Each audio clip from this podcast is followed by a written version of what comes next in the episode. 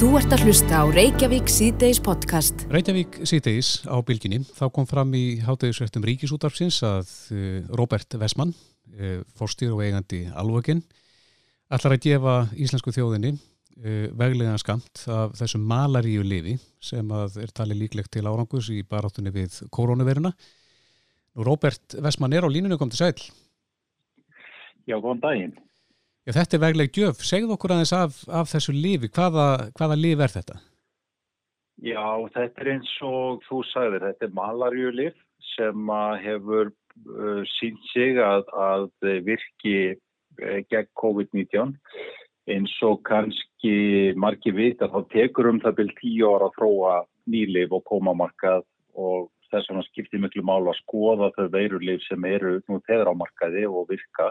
Mm -hmm og eh, eitt að lifja er malarjulifið eh, klorokín sem að eh, hefur bæði minni rannsóknum og núna er verið að gera mjög stóra rannsóknir eins og alltjóða helbreyðisstofnuninn í um 45 löndum til að sína fram á virknina.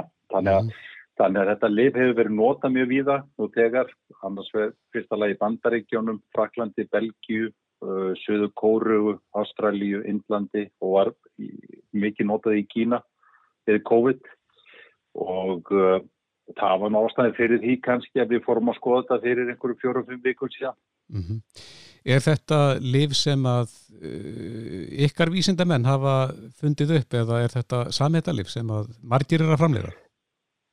Það eru töluvert margir að framleiða þetta í dag en, en Uh, málið er með þetta tilnælið, þetta er framleitt að miklu leiti meðal annars á Índlandi og þetta er í raun og veru þó þessi sama lifið, tvölif, klorakín og hydroxyklorakín, virknin er svo sama mm -hmm. og uh, innverjarnir settu útslutningsbanna á hydroxyklorakínið uh, núna og ætla sér að nota það fyrir bara he heima fyrir. Mm -hmm. Þannig að ég reikna með að klórakín verði ílfáanlegt og ófáanlegt uh, tiltala hljótlega.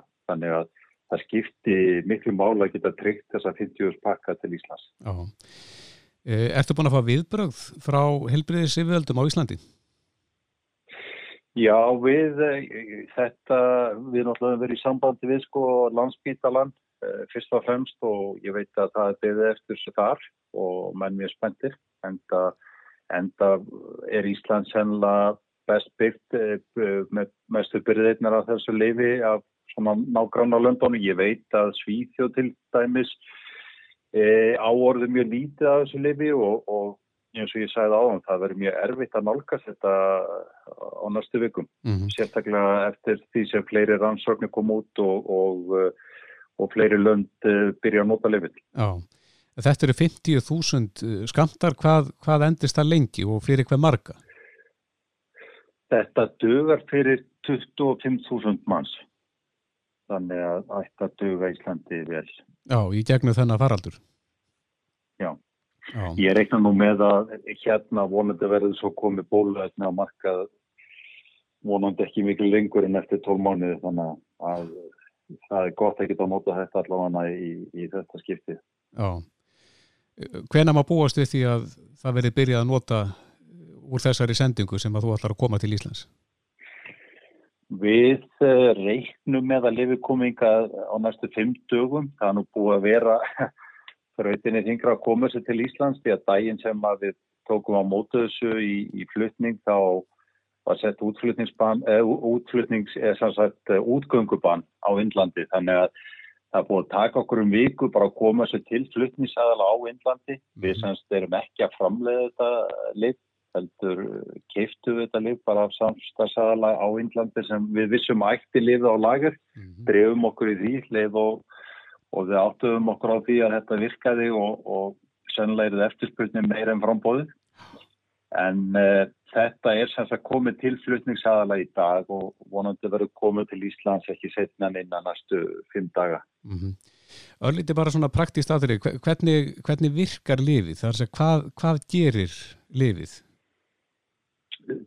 Þetta malaríu lif hefur uh, í tvennskona virkni eh, annars vega veirurvirkni og, og, og síðan bólgveðandi virkni og uh, það er nú svona þessi veirurvirkni í lífinu sjálfu sem að minnur gegn COVID-19 og það er síðan oft gefið með síklarlifi, uh, acetrómisíni, uh, sérstaklega kakvar þeim sem uh, eru með alvarlega útgáfa skjúttum lúnabólkur og hefur sínt sig að, að virki vel.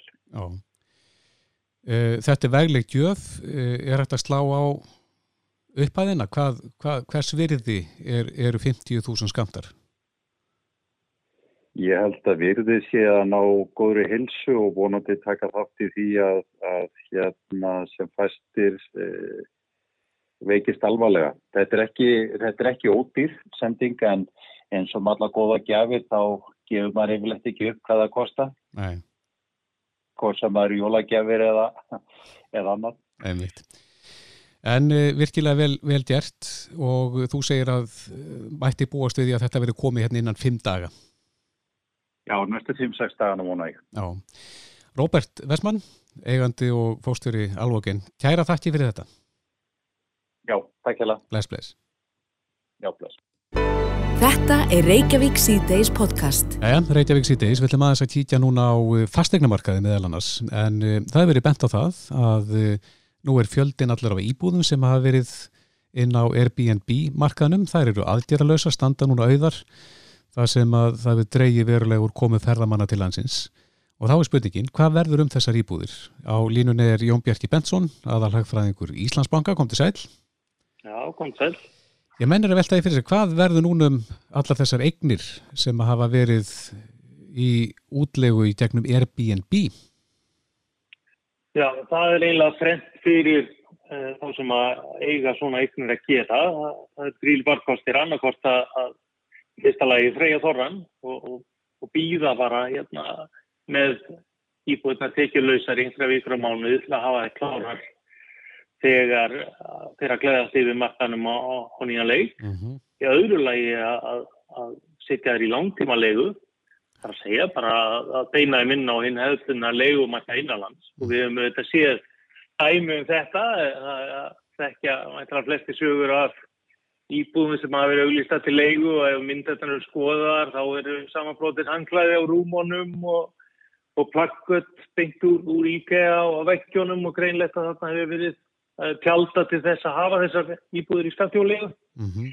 Svo í þriðalagi við þetta fara að selja inn á, á íbúðamarkaðin og við hefum séð tölur drauða því það hérna, kom nú svolítið guðsa af að við höldum Airbnb íbúðum inn á markaðin og var til þess að, bremsa hann af og, og, og kalla fram með þess að lækkur í sumum hverfum á setjum luttafsins största átján þegar hérna þetta blíkur voru vaksandi um, um horfur í ferðarþjónstinu og, og það er ekki óvalegt að áætla að einhvers líka áhrif geti þá orðið uh, núna að koma til mánuðum ef að þetta verður svona með verra mótunum sérstaklega þetta ástand. Já, en gefum okkur það að þessar íbúðir lendi annarkort inn í á uh, almenna leikumarkaðnum nú eða þá í sölu. Hvaða áhrif mun það hafa á markaðin sem fyrir er? Jú, jú, það vissulega hérna, auki frambóð er svona samkvæmt humaputtireglunum til þess fallið að halda aftur að ég vil trýsta niður verði og, og og, og fyrir leiguna þá, þá í rauninni bætist við getum sagt að, að lægur við fjármarskostnaði að, að sá aðeili sem á íbúð sem að leir út það er náttúrulega búin að standa skil á og fjármagna eigi fjárlutan en, en er svo að greiða af lánum alveg svo, alveg svo það er sem er íbúðir mm -hmm. og þegar, þegar sá kostnaði sem er yfirlega stór hluti af hans kostnaði á mótilegu teikjunum lækar þá er kannski liðugra með að gefa eitthvað eftir eða hafa leiðverði heldur læg.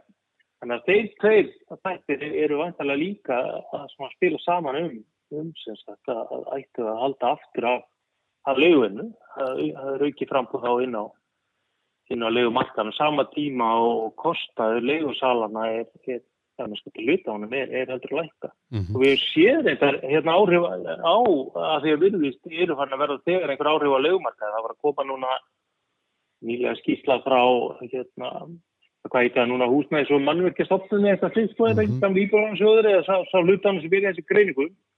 Þar kemur ljós að það er farið að, að gefa svolítið eftir leguverð. Það er hægt að mjög lítið núna eins og þetta mánu, hægt að minna en almennt verðlag og það er nú aldeilis viðsnúningu frá fyrir, fyrir tveim, þrjumur ára síðan. Það er hægt um að sem alltaf var kýflegi.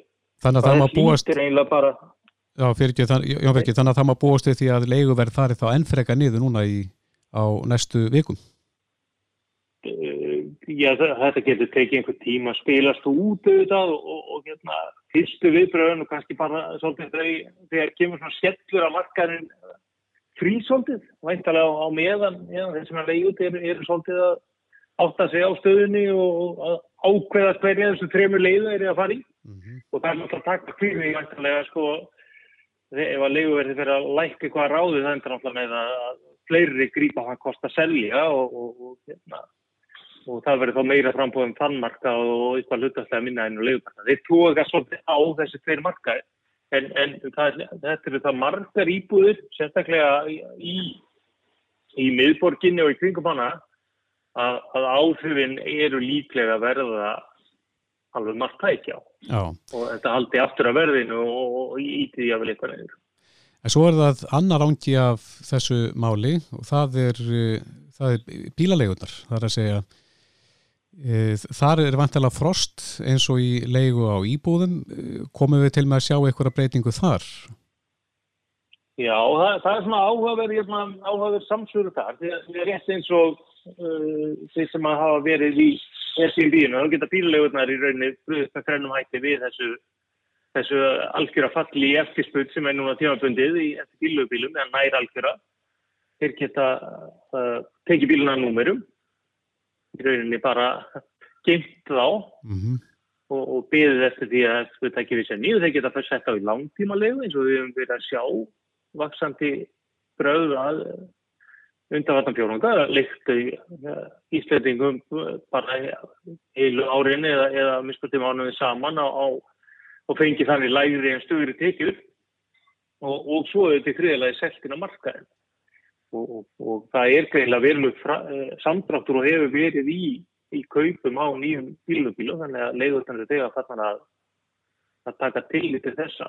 Núna kannski hefur það líka áhrif á markaðinu auðvitað að það hefur orðið frekar uh, snört lækun uh, á gengi krónar fórum 10% sem að týður auðvitað að, að þegar þú ert með nýlega notaðan bíl sem kiptur á gamla genginu þá, er, er, getur verið svona fjárhagslega tiltöla hagstætt að selja á markaðin af því að, að, því að hérna, gengi slækunni bíl til verði sem að, ný, ný, nýr bíl er þá einhverlega 10% dýrar en hefði annars verið mm -hmm. og það er með komið auki bíl á milli segjum áskamals bíls og, og hérna, nýspíls þannig að það getur tóðað svolítið í að það verði svona meira fristandi fyrir þá sem að vilja yngja aukja sér að fá að segja hérna, nýlega lítið keran bílugubíla á kannski talsið takstæðara verði heldur en að köpa klænija bíl. Mm -hmm. Þannig að erum við að tala um það að við förum að sjá breytingu á þeim markaði þar að segja mun verð á nótuðum bílum lækka? það er ekki vist að lækja marki vegna þess að, að, að það er eftir með á móti sko, hérna, þetta, herra, þetta, þetta, þetta hækkaða verða á, á nýjum bílu vegna gengisveikingarnar sem að gerir hérna, nýlega notaða bíla svona auðseljanleiri mm -hmm. en, en það er vissulega líkur á, á auklu frambúðu inn á þennan marka og þetta eftirsputnin eins og eftirsputnin eftir öðrum mjög vörum og bara dýrar í vörum almennt, hún dettur auðvitað oft umtalsvægt nýðu þegar kemur svona skellur og mikil óvis og beigur í, í almenning. Þannig að það, það helgast af því hvað lengi við verðum að býta nálinni með þetta hvort að þetta er bara einhvers smá sklíku sem, sem að byrtist á meira bara í svona algjörðu frosti eða, lífli veld á markaði eða hvort þetta fyrir að hafa varanleiri áhrif á að verði ekki. Mm -hmm. Hvað, hvað segir þið hjá greiningadeildinni hjá Íslandsbanka? Er, er Hva, hvað er framöndan? Við hverju búist þið svona á næstu missurum, kannski næstu vikum, tveimur mánuðum? Bara almennt í eftir lífinu. Já. ég, það er náttúrulega verður kannski líklega með hverju deginum auðvitað að, að, að ferðarþjónustan sé að fara að verða fyrir all tungu skelli og, og, og hérna, alltaf hluti háanast tí, tímans verði bara svolítið fyrir bí því að það, það virði sem að, að samgöngur fari ekki að verða eðlilega fyrir en tölvöldi liði frá vorum við jafnveg í sumundin og við vorum að sofa ekki það þýður okkur að þessi, þessi hægugangur hann kannski smítast víðar um, um að tækja við fáum bara hérna meiri hemlun á, á svo marga þætti í hagkerfun eins og, eins og við þekkjum bara öll á okkar hvernig, hvernig lífstur okkar breytist að við, við sitjum meira heima og, og, og svona höfum minni um sig fyrir, náttúrulega sálega út að borða eða, eða líka upp. Mm -hmm. Hluta kemur þau þetta tilbaka þegar hérna þegar þegar að, að slakna á þessum hérna, þessum, þessum reglum sem tímafundi eru í gildi Já. og ég veist að margir húsinu gott í glóðarnar að gera vel við sér þegar þegar hérna lutin frá skána en það verður alltaf einhver skurti tímafundi skadi á hækjuna því að Já. þetta svona vindur upp á sig og missir alltaf tekjur og og, og hérna Uh, tímabundið hlutafíl suðverðinu og það er þá ekki að kaupa einhverju böðum og svo framvegs mm -hmm.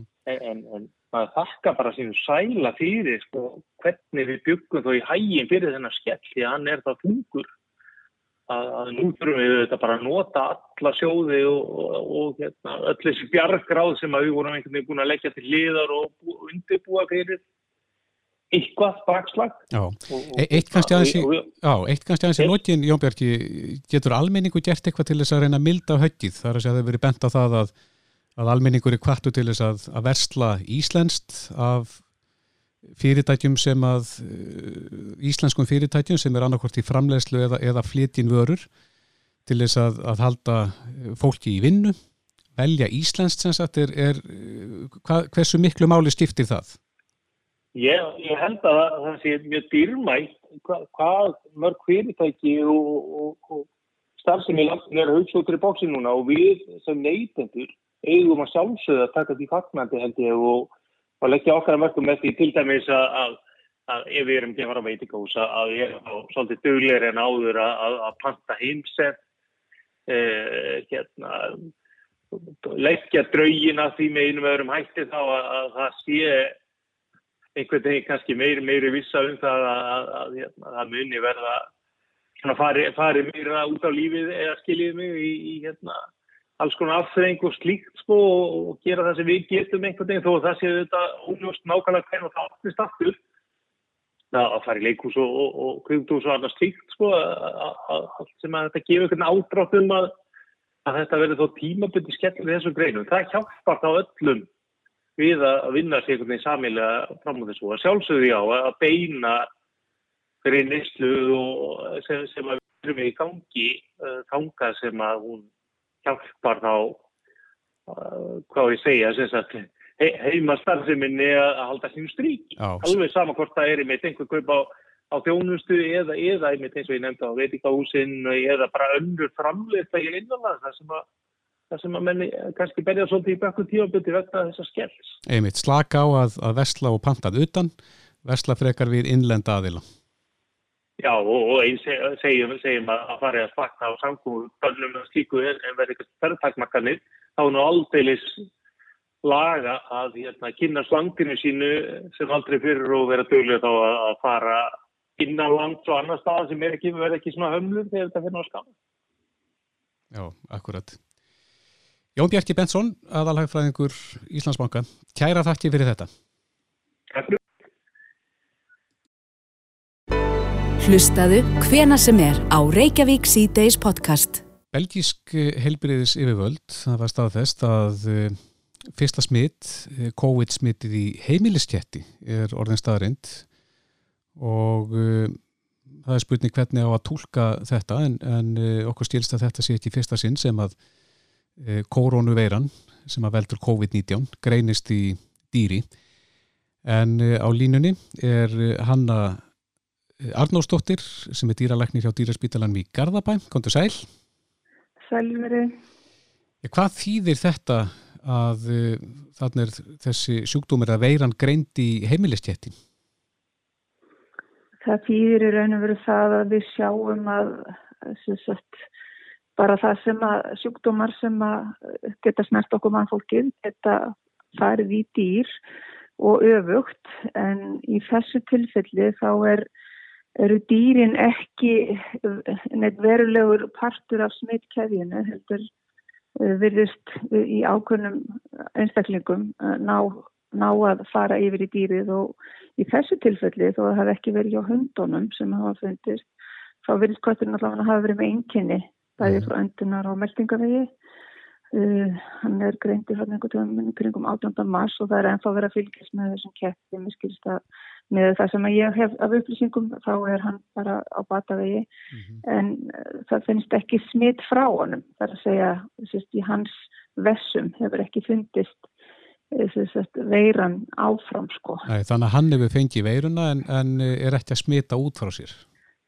Ek, ekki, þeir náttúrulega get ekki sagt fyrir um það en þá því það er ekki komin bara svo tímafaktor en, mm -hmm. en þetta verðist vera svona dead end yfirleitt þetta maður svo sem sá þetta eða það var líka talað um þetta þegar SARS var hérna 2003 þá var þetta að finna erðaðni vírusins í hérna í dýrum en eh, ekki þannig að þeir væri þáttur í smitt kæðjunni mm -hmm. Þetta er ekki fyrsta sinn sem að veiran greinist í heimilistýri, er það? Nei, það greindist, það eru tveir uh, hundar í Hong Kong þar sem þeir hafa fundið erðaefni vírusins í, hérna, í þeim hundum og þetta, þetta er allt dýr sem að e, voru hjá einstaklingum sem voru jákvæðir og voru veikir. Mm -hmm. Það er að segja að þetta eru heimilistir sem að voru þar e, og hérna hafa þá fengið erðaefni vírusins í sig og hjá hundunum voru engin enginni, nokkur, nokkur enginni sko veikindar sko. Mm -hmm. Þýðir þetta hann að, að gælitur eigendur sem að eru veikir heim og hafa verið greindir eh, með COVID-19 að þeir eigi að einangra sér frá gælutýrunum þá?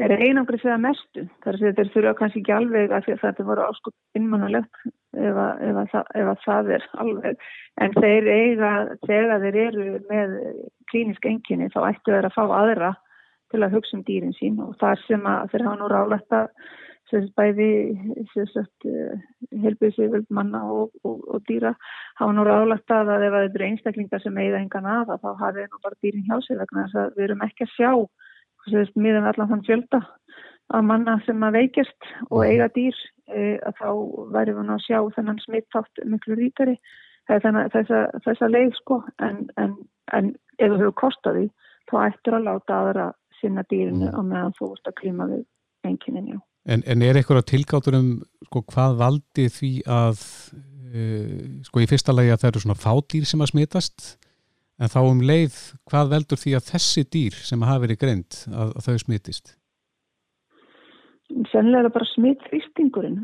Sko með köttin þá verðist sko frumutnar sem eru svona með móttakaran fyrir veirunni í öndunarveginum. Það eru uh, frumur manna og dýra er ekkert ósvipar. Svo kan maður segja að þeir sem er sama svona hurðahúnin, þess að dýragettina inn fyrir vírusin. Mm -hmm. Þar sem að hann kennst þá inn uh, og myndi þá geta fjölga sér en verðist ekki fjölga sér í dýrunum þá hann getur það hjá okkur að því að hann hefur ekki tækin á tólinn hjá dýrunum til þess en hann hefur það hjá okkur og, og það er, það er kannski, maður segja að eftir, eftir, eftir allt saman þá eru við líka dýr mann man dýr mm -hmm. þannig að við erum spennt dýr og, og þetta er ekkit sumir lutur er mjög ólíkir en flest, flest þetta er, ber sviprað hvors annars þannig að það er það sem við tekjum sem súnur og í allri umgengni við dýr uh, og, og, og sérst, þá þurfum við náttúrulega bara að vera meðvitið um það að, að, að smitt getur farið á milli og svo erum við náttúrulega alltaf með þetta í bakinu að, að, að þessar veirur og bakterjur þær þróast líka mm. að finna alltaf leið framhjá þannig að þó sé rosa vel bara þó sé vel þegar maður hefur verið í kringum dýri sín e, þó sé vel á, e, sérst, áður að maður snerti dýri sín e, og eftir í þessum tilfellum COVID jákvæðir einstaklingar sem eru veikir þeir með alveg klappa dýrum sín þeir eru kannski látað að vera að kissa þau og, og, hérna, og fara með andleiti ofan í þau eða hafa þau upp í rúmi sem, og svoleiðis en, en vera bara í raun og veru skinsamur í umgenni með Mhm. þetta og fá aðra til að sinna eh, en það er fólk bara veikt náttúrulega, mjög veikt og, og þá þurfa dýrin eh, náttúrulega kannski aðleiningu meira Mhm. til að sinna þessum vennilega þáttum. Já. Já, eru margir gæludiregendur að hafa samband við þig og ykkur til þess að spyrja spurninga? Um, ekki svo mikið um, sambandi, jú þannig að fólk er mjög meðvitað um það að það þýpir ekki að koma með smitt til okkar og það hafa náttúrulega COVID-jákvæðir einstaklingar þurft að hafa samband við okkur til að koma dýrunum til læknis og fengi þá leifinningar um að fá sérst, annan fyrir sig til að koma með þau sko. Mhm. Þannig að, að, hérna, já. En, en er verið að koma með gæludýr í greiningu? Nei, ekki, við höfum allavega ekki, ekki til okkar, það er enginn komið, fólk hefur vissulega, vissulega spurt um þetta, sem sagt hvort það er möguleiki, en, en það eru engar e, vísbyttingar eða einn einn sönnun sem hefur ennþá fram að þessu fundist fyrir því að, að dýrin geti borið smitt áfram, sem sagt, síst og borið smitt áfram. Og að meðan er þetta þeirra nefnir við sem að smittum þá þessi þessi fjö, þrjú staðfæstu tilfelli þar sem hefur fundist erðaefni úr, úr veirunni í þessum dýrum en ekki Og það stoppar ekki, það? Það verðist að hafa stoppað en, en það er bara eins og að við vilt hafa líka sagt hér að við vitum, við erum ennþá að læra á svo veiru Mhm. og við erum ennþá að læra á, á hvað hún getur skilið eftir sig eftir að hún hefur farið um þannig að við á meðan svo er þá náttúrulega verður við bara að vera varkar og, Já. gera ráð fyrir hérna ómögulega líka án þess að vera með einhver ofsafengin viðbröð og einhvern ofsa, ofsarhæðslu það er engin ástæð til þess í þessu sko. Nei, en þú segir að þessi köttur í Belgíu hafi sínt einkenni. Já, hann kemur inn með já, hann kemur inn með eh, uppköst og niðurgang þessi, og þeir finna sér sett erðarn og veirinu í þessum þessum Já. uppkostunum og niðurganginum Já. Þannig að, að hérna, hann er þá hvort að það hefur tengst þessum, þessari veiru eða ekki. Og við ættum að sjá miklu, miklu meira um þetta með að við allan þann fjölda eh, sem að eiga dýr og sem að dýr búa og kettir oft inni kettir eru bara hreinlega onni í sinum eiganda daginn út og daginn inn. Þannig að við værum búin að sjá ættum að við hafa, hafa orðið vörðum minn meira af þessu þá. En þetta er náttúrulega bara í skoðun Já. enn sem kom með og svo náttúrulega bara muna það hvað hún er upprunnin, ég meina hún er upprunnin þá dýrum og þetta nána sannveitu okkar við dýr gerða að verkum að, að, að, að, að þess, þessar lífverur, veirur og bakterjur geta breytt sér til að verða síkingar hæfari. Mm Hanna Arnársdóttir, dýralegnir á Já. dýraspítaranum í Garðabæ. Kæra þakki fyrir spjallið. Takk sem við leiðis. Bless, bless. Reykjavík síðdeis á Bilginni podcast. Já, Reykjavík síðdeis. Eh, Það kom fyrir í fréttu núna um daginn að uh, það væri byrjað að sapna í bakvarasveit lauruglunar en heilbyrðistafsmenn hafi verið döglegir að, að eh, koma sér á þann listan en uh, nú er komið að laugjæslunni. Á línunni er Áslögu Arna Sigurbjörnsdóttir, dómsmálar á þeirra kom til sæl. Sætlustu. Þessi vinna fyrir vantilega fram núna hjá ríkislauruglustjóra en hefur heyrt að þið hvernig gengur? Heyrðu, það gengur bara ágætlega. Þetta er bara rétt að fara af stað og þetta hafa líka lauglustjóru heimil til að hafa haft heimil til að ráða svo kallaða hámenn Mm sem eru svona ólögulærðir. En nú að svona byggða til þeirra sem eru uh, sem sagt, með lauruglupróf um, en hafa kannski farið í önnu störf og hætt í lauruglunni að skrá sig á þennan lista til að vera í bakvarðarsveitinni. Hva, veistu hvað þetta eru margir menn sem að eru með uh, það er að segja mentunina en eru ekki að starfa sem slíkir í dag? Nei, við erum ekki með nákvæmna tölur yfir það. Um, en það eru þetta verið svona svolítið rót á því, svona svolítið fram og tilbaka í gegnum tíðina. Mm -hmm. Um, en við erum svona, það eru örgulega ymsir sem getur skrásað þetta og sé fyrir sér að standa með okkur og koma tilbaka í laurugluna í smá tíma ef þau eru verið á. Já, og þetta er, er það ekki launað? Jú, þetta hérna, verður það og það verður bara uh, reynd að fá svona uh, sem bara laun greitt samkvæmt landsambandi lauruglumanna Mm -hmm. og það er bara verið að reyna að uh, tryggja það að við getum haldið upp í svona lámarslöggæslu og að heilu hóparnir í lauruglunni þurfum við að vera í sóttkví eða eru veikir eins og upp getur komið. En veistu hver staðan, já, veistu hver staðan að þú er? Eru margir lauruglumenn í sóttkví eða einagrun? E, það eru einhverjir, e, menn það er ekki orðin stór hluti, nei. Þannig að en það getur alltaf komið upp einhver mál sem kannski lætur heila hérna, vaktu að slíkt fara í, í sótkví. Mm -hmm. Það eru alltaf að reyna að passa sig eins og mögulegt er og við viljum bara vera við öllu búin og þannig eru við alltaf að undirbúa okkur í þessu ástandi sem við erum í dag. Já. Að vera við öllu búin og að geta einhvern veginn mætt svona verstu sviðsmyndunum líka. Mm -hmm. Aðeins á öðru máli áslög, þú ert að fá verða fyrir pínu basmiðum á samfélagsmiðlunum út af áfengis kaupa málunni, að það er að segja þessu frumvarfi að það verði eftir að panta áfengi á netinu. Þú verður vantilega vörfið þá umræðu? Já, já, hún er uh, einhver leiti skiljanlega en líka óbúslega ómáðamleg uh, því hún felur ofta ekki í sér rétt að staðræntur um þetta mál og því er ítrekka haldið fram að þetta sé einstaklega mál sem er í kringum þetta COVID ástand eða eina máli sem uppi er. En það er auðvitað mjög mikilvægt að ræða þetta eitthvað skynsemi um, og í gildandi umhverfi lagumhverfi í dag eru enga sérstaklega reglur um innflutning áfengis til neytenda. Þannig að það geta allir ísendingar í dag kipt sér og gera það, vestla bjór frá litlu brukkhúsi í Belgíu og fá það innan sólarhings afhengt hér á Íslandi. Mm -hmm.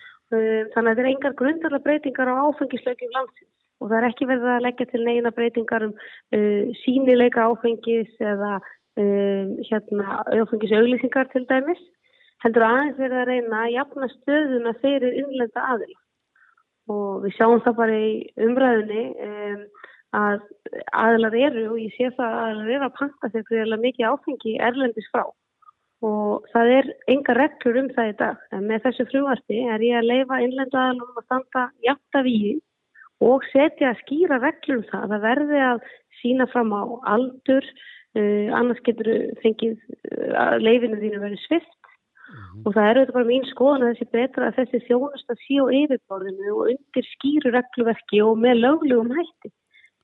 Já, nú sér maður að sömur haldaði fram að, að þetta muni jafnvel auka áfengisnesla á sama tíma og landlæknir er að vara við áfengisneslu á þessum tíma.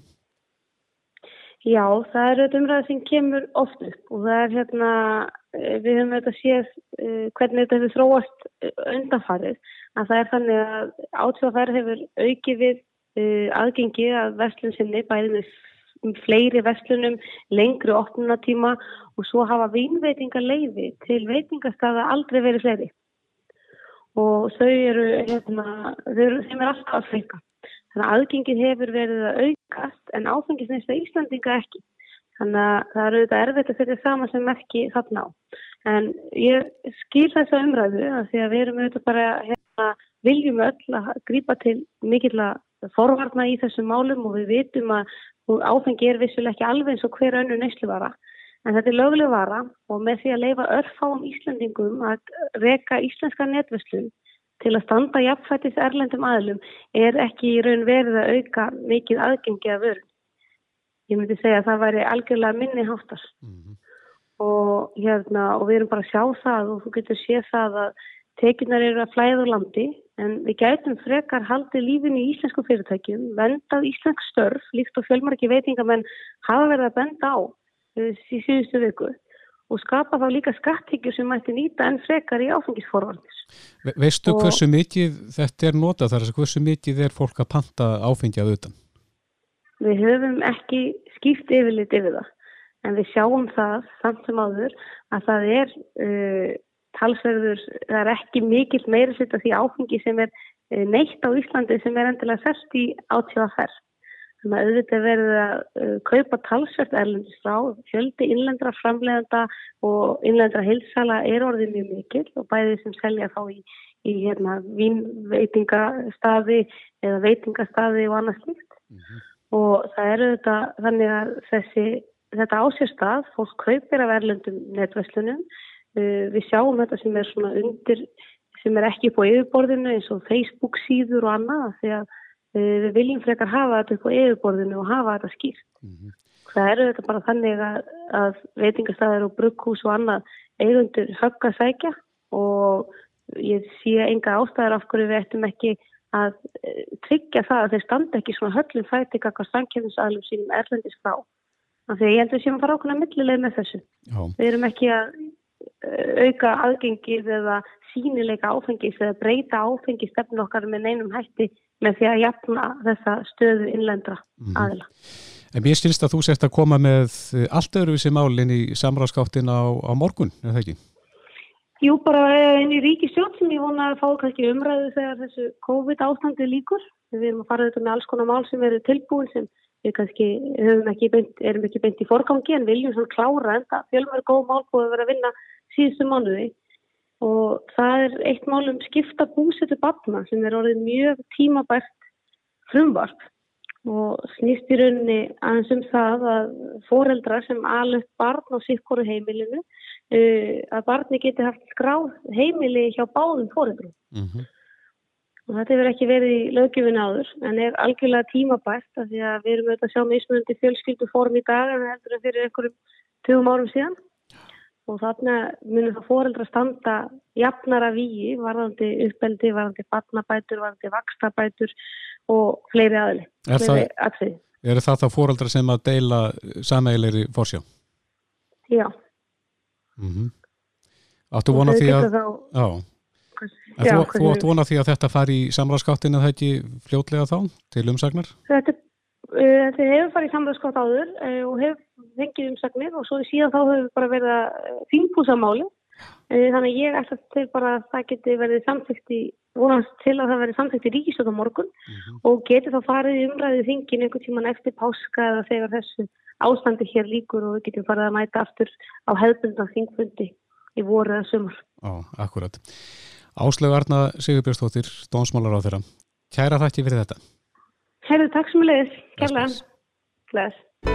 Reykjavík síðdeis á Bilginni podcast. Við heyrðum hérna fyrir í þættinum í Róberti Vestmann sem er eigandi og fórstjóri Alvoken um uh, þessa stóru gjöf en hann hegst gefa íslensku þjóðinni uh, 50.000 skamta af malaríuliði sem að er verið að nota í baróttunni við COVID-19 sjúkdómin. En Bryndi Sigurðardóttir, smitt sjúkdómaleknir er á línu, kom til sæl.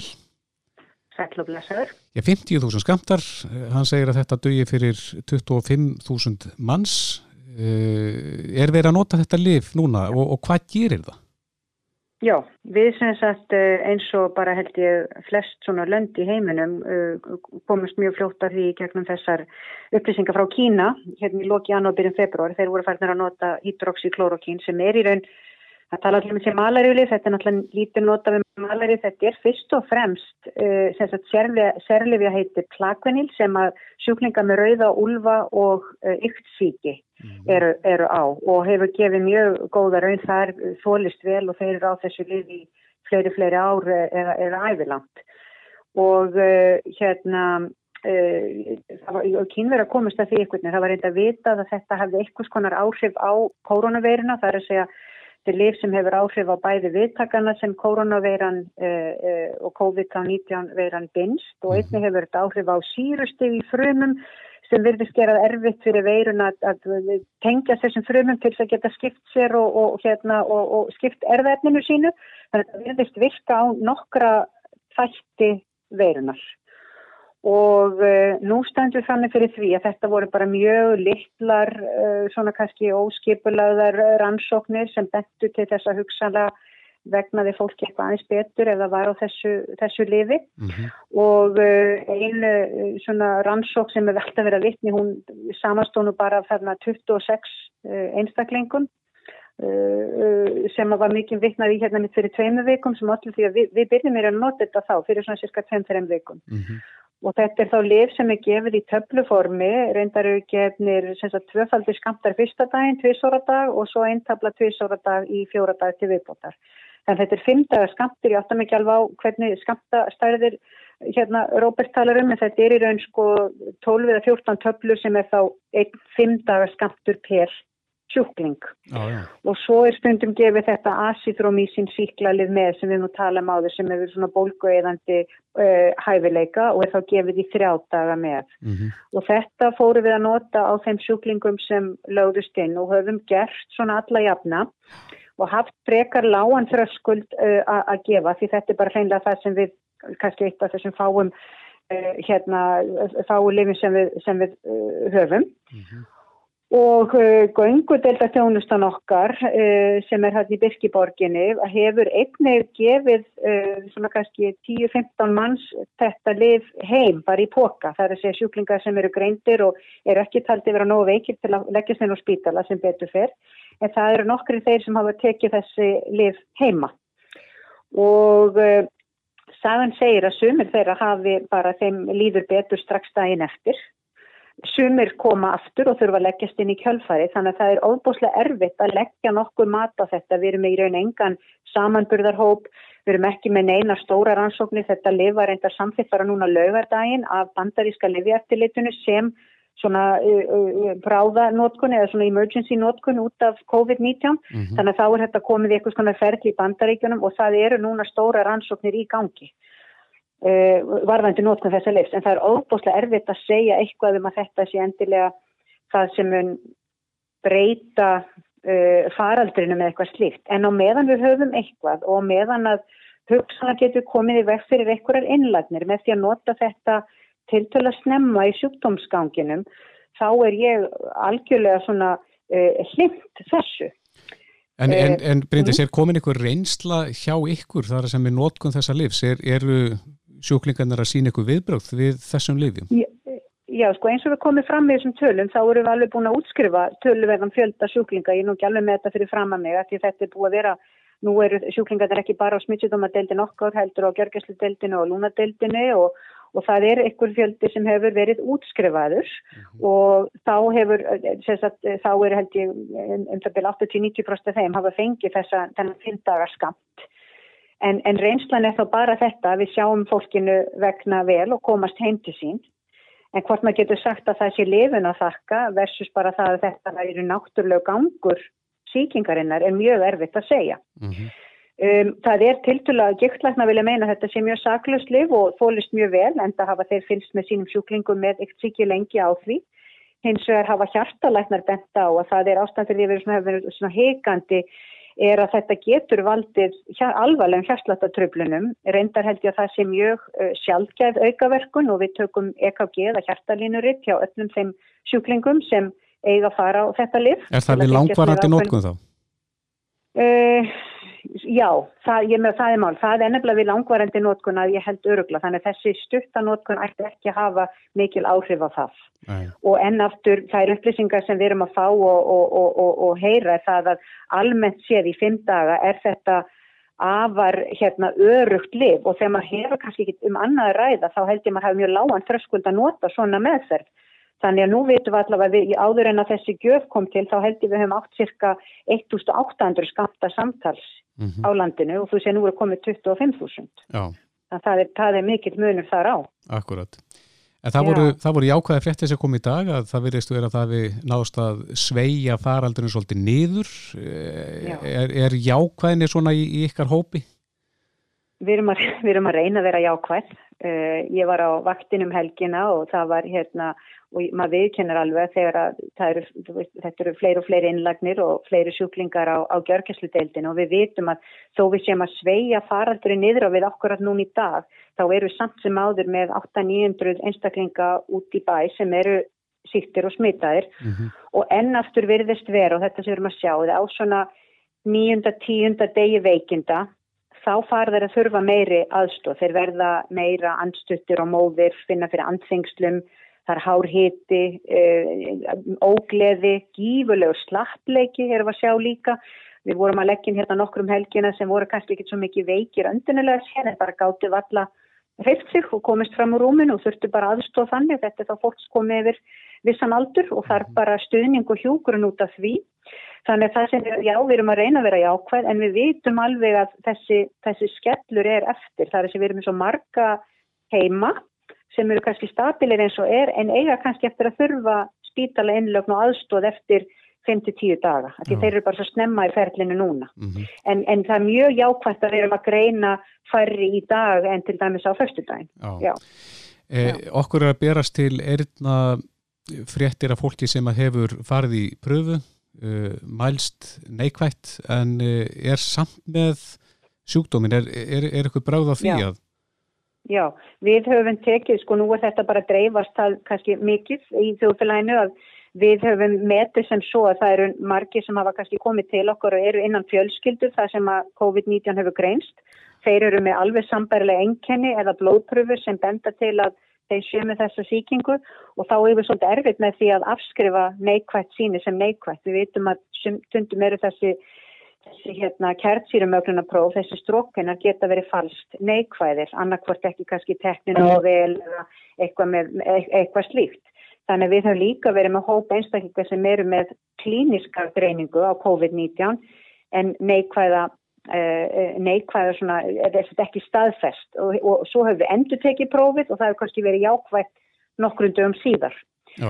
og eh, umræðin núna um helgin og í morgun snýrist líka svolítið það hvernig við flokkum þessa einstaklinga og ef að þeir þurfa að leggjast inn, fara þeir inn á COVID-deildina þessum allir eru staðfestir eða, og þetta er svona, þú sér, það, er, það, það, það breytast upplýsingar og okkar svona kunnáta og geta og, og, og verkferðlar er að breytast dag frá degi þannig að þetta er ábúrslega mikið flæði öllu sem við erum að gera en já við teljum að eftir því sem sko, okkar reynsla ekst hvað varðar þessa sjúklinga og byrtingar mynd þá teljum við að við getum stundum greint þetta klínist og þó að strók sé neikvægt þá myndum við samt hegða okkur í kringu þann einstaklingu eins og hann sé sýttur. Hvað hafa margir helbyrðistafsmenn mælst í ákvæðir til þessa?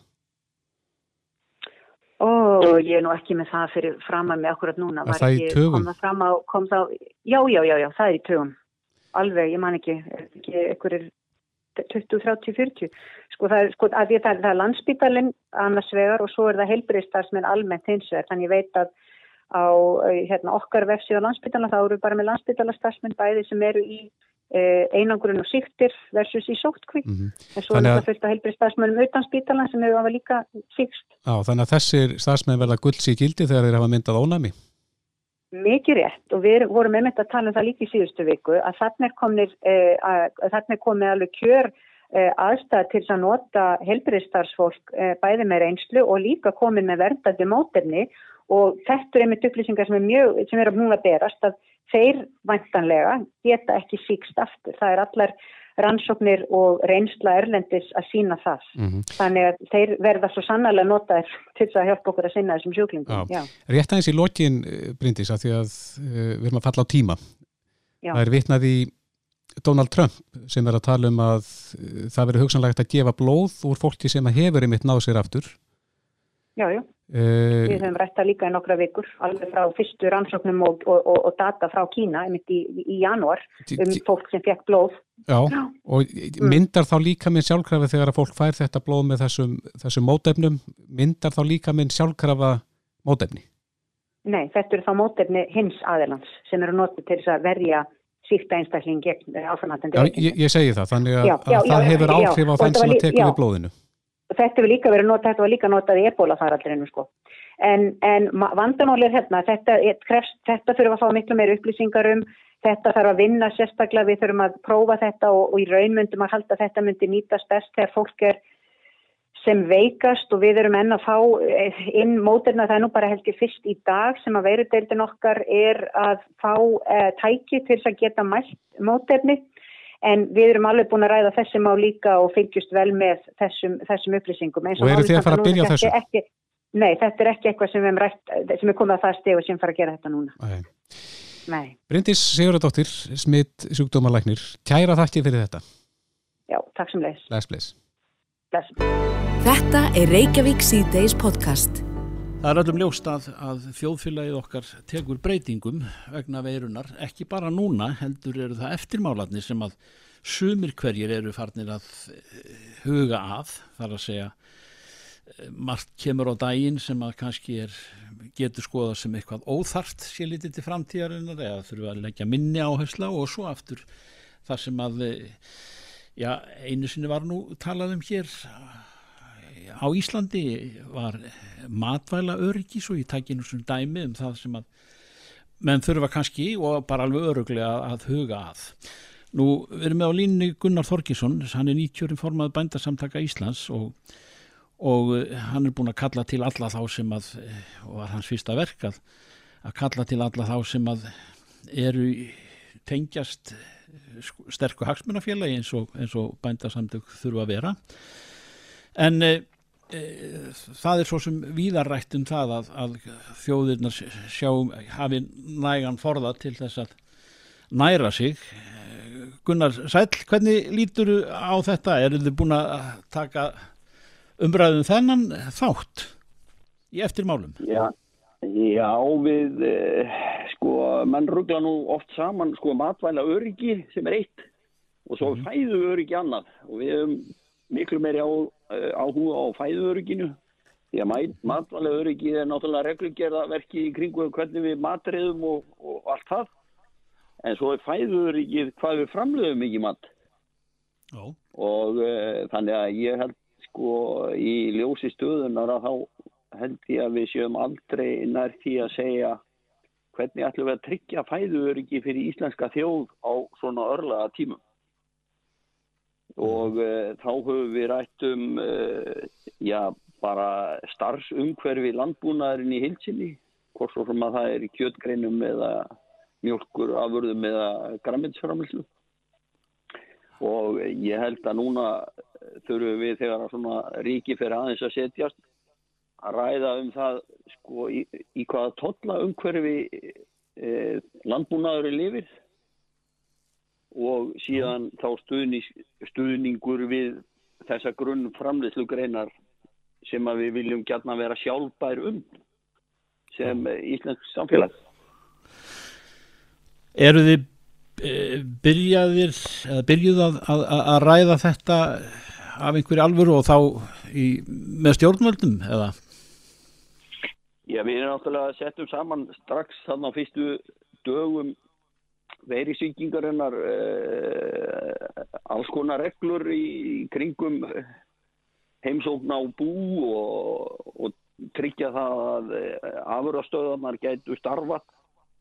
Já og við skil, eh, menn skilgreindu hópa og settu niður í, í fámennari deildir þannig að það var ekki allir að vinna saman þannig að við, við, við dum tryggja það að matvælinn væru treyð núna á þessum óvissum tímum oh. og síðan í framhaldinu höfum við rætt við ringisvaldi um sko hvernig við komum að því að auka framlegslu á bara matvælum á Íslandi Já. En Gunnar, það er oft búið að ræða það að á undanförnum árum áratugum getur við sagt en það er þetta að við eigum eh, ótýra orku svona í heims samanburðinum og, og, og grænmetis ræktun undir þæki ílrækt alls konar grænmetis framlegslan eh, þar með eh, ætti gæti átt greiðan veg í sérlíti til vakstar í, í framtíðin en, en hvernig er það svo hátt að er þessi gamli draumur að nýta heita vatni til þess að, að búa til grænmyndi er, er hann ekki á, komin á flug eða, eða er það bara sittur við því sama? Já, ég held að við séum nú svona uh, í uh, viðræðum við yfirvöld þessa dagana. Er uh, skilningurinn orðin allt annar heldur en maður var bara í byrjun, byrjun árs. Þar sem að við eh, vorum nú, tókumst nú heilmikið á við eh, landbúnaðar á þeirran eh, um nýðufellingu totla í desember. No. og totla umhverfið er, er náttúrulega hluti af starfsumhverfi greinarinnar þannig að við, við höfum alltaf, alltaf aðra sín á hlutina í dag heldur við höfum í upphæfi árs Er það ekki góð sviti? Jó, það er bara góðs viti og eins og ég segi þá eh, hefur ráðherran lagt fram ákveðna tilugur í, í aðgerðum og þá sérstaklega í gardikkjunni og við erum svo sem bara býðum eftir ágreifslu fjallanemndar á fjallugunum oh. þannig að við erum svona að horfa til þess að við gætum hugsaðlega bætt í í niðugreifsluna og flutningi ráorku í þessum pakka. Og og eins stuðningi við eh, ræktendur á græmiti á út, útiræktuðu græmiti líka. Já. þannig að það er nú svona það er ljós í myrkrinu. Já, það er gott að heyra og, og að þetta, þessi mál séu komin af, af stað en, sóknafærin eru, eru gríðaleg greiðarlega mörg, er það ekki? Sér nú litið yfir allan akkur? Jú, jú, jú. Við erum ekki að framlega nema svona 40% af því grammiti sem við erum að neyta, sko.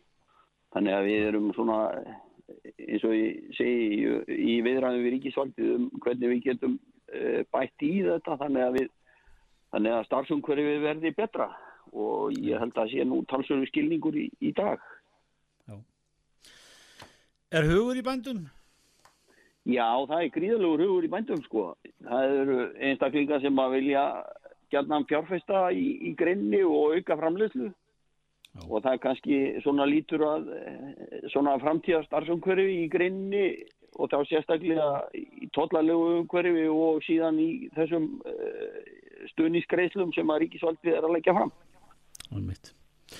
Gunnar Þorgirsson formað bænda samtaka Íslands gott að heyra að það eru það, það grillir í, í breytt viðhorf og þú nefnir hérna e, gardirkjuna sérstaklega eða garðmyndirframleyslu e, við heyrum vonandi í þér aftur áður en langt um líður og gott að heyra líka að það er hugur í ykkur. Takk fyrir spjallið. Já, takk fyrir það. Þú ert að hlusta á Reykjavík C-Days podcast Mannlífið á Íslandi gengur út á reynlitt getur við sagt. Og svona undir lokþáttar hérna í Reykjavík C-Days uh, stöldrum við við þar sem að heitir Hjálparsými Rauðakrossins þar eru annir, veit ég. Verkefnistjóri þar á bæ er Sandra Björk Birgisdóttir, kom til blessa og sæl. Já, sæl. Það er væntanlega í, mörgorna líta hjá ykkur? Eða öllu heldur Já. margi sem le, leita til ykkar Já, svo sannarlega. Það hefur aukist gríðarlega álægið eh, hjá okkur á hjálparsímanum síðan að, þetta ástand byrjaði. Og svona kannski til þess að setja í samengi þá hefur venjulega erum við að taka kannski svona cirka 250 samtal á viku hjá okkur. En svona á síðkasti hafa þau fjórfaldast eða fimmfaldast um, svona í þessu ástandi farið allt upp í 3500 á viku.